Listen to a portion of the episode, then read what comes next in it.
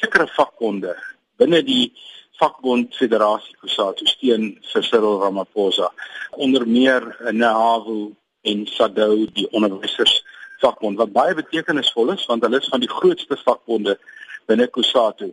Die topstruktuur van Kusatu is nie noodwendig steun hulle vir Ramaphosa nie en die probleem is hulle is almal Zuma georiënteerde mense behalwe die adjunkt sekretaris-generaal wat nou verkies is, Solly Petwe. In die verlede het die adjunkt president van die ANC per definisie die president geword. Nou wil die Kusatu geaffilieerde vakbonde wat Zuma ondersteun, wil daai tradisie nou breek. Dis nie 'n wet nie, dis net 'n tradisie.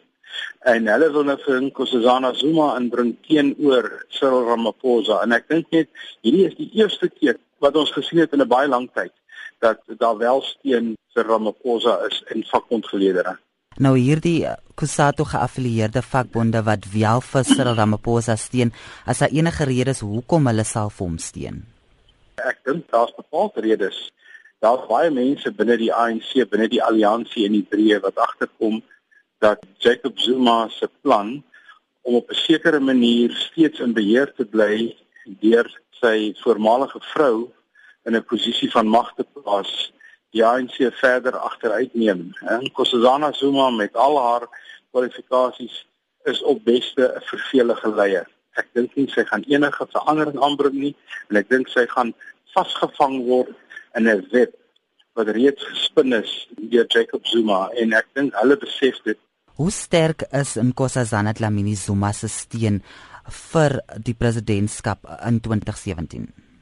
Is 'n baie moeilike vraag om nou te antwoord want ons is regtig baie ver van daai Desember byeenkoms in 2017 en daar is een of twee hekkies waaroor die ANC moet kom wat die vermoë het om spelbrekers te wees. Een daarvan is die plaaslike verkiesing volgende jaar Mei, Junie volgende jaar. Die uitkoms van daai verkiesing gaan eintlik bepalend wees vir hoe die steenvlakke lyk en hoe mense gaan maak. Al wat 'n mens nou kan sê is dat die Zuma georiënteerde deel van die ANC en dit sluit die nasionale uitvoerende komitee in wat die invloedrykste groep mense is, steun haar Maar dan wil ek 'n ander ding byvoeg wat 'n mens nie moet vergeet nie. Die ANC se kongres in 2017 behoort tussen 4000 en 5000 verteenwoordigers te hê. Die grondwet van die ANC sê 10% van daai afgevaardigdes gaan uitgemaak word deur die jeugliga, die vroue liga, Kusatu en die SAKP.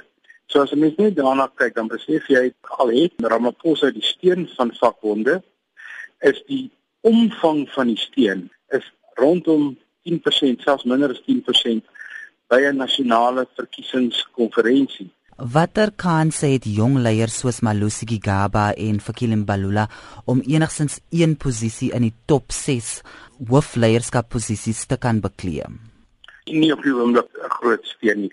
Die enigste een van die twee wat jy nou genoem het, uh, waarskynlik Malusi Gigaba wat baie sterk binne die Zuma belangegroep en belangesfeer besig is. En binne die ANC het ek al gehoor dat mense praat van Malusi Gigaba as eintlik die opvolger van Cyril Ramaphosa hier in 2024, 2026 en daai koers. So hy is bepaald deel van die ANC se denke om in die toekoms 'n leier te word. Malusi Gigaba het vir homself baie skade gedoen met die visum storie. Ek dink hy is op die oomblik meer 'n randfiguur Fikile en Balula het vir homself 'n groot knou op die hals gehaal toe hy teen Zuma gestaan het by Mangaung 'n jaar of twee terug. En ek dink nie Fikile is regtig in die stryd nie. Waarna ons moet kyk as moontlike kandidaate vir die top 6 is die premiers uit die Premierliga. Dis uh, Supramai Mapelo, Ace Magashule en die premier van Mpumalanga want hulle weet as Zuma die dag loop dan word hulle soos biltong buite opgehang om droog te word in politieke terme.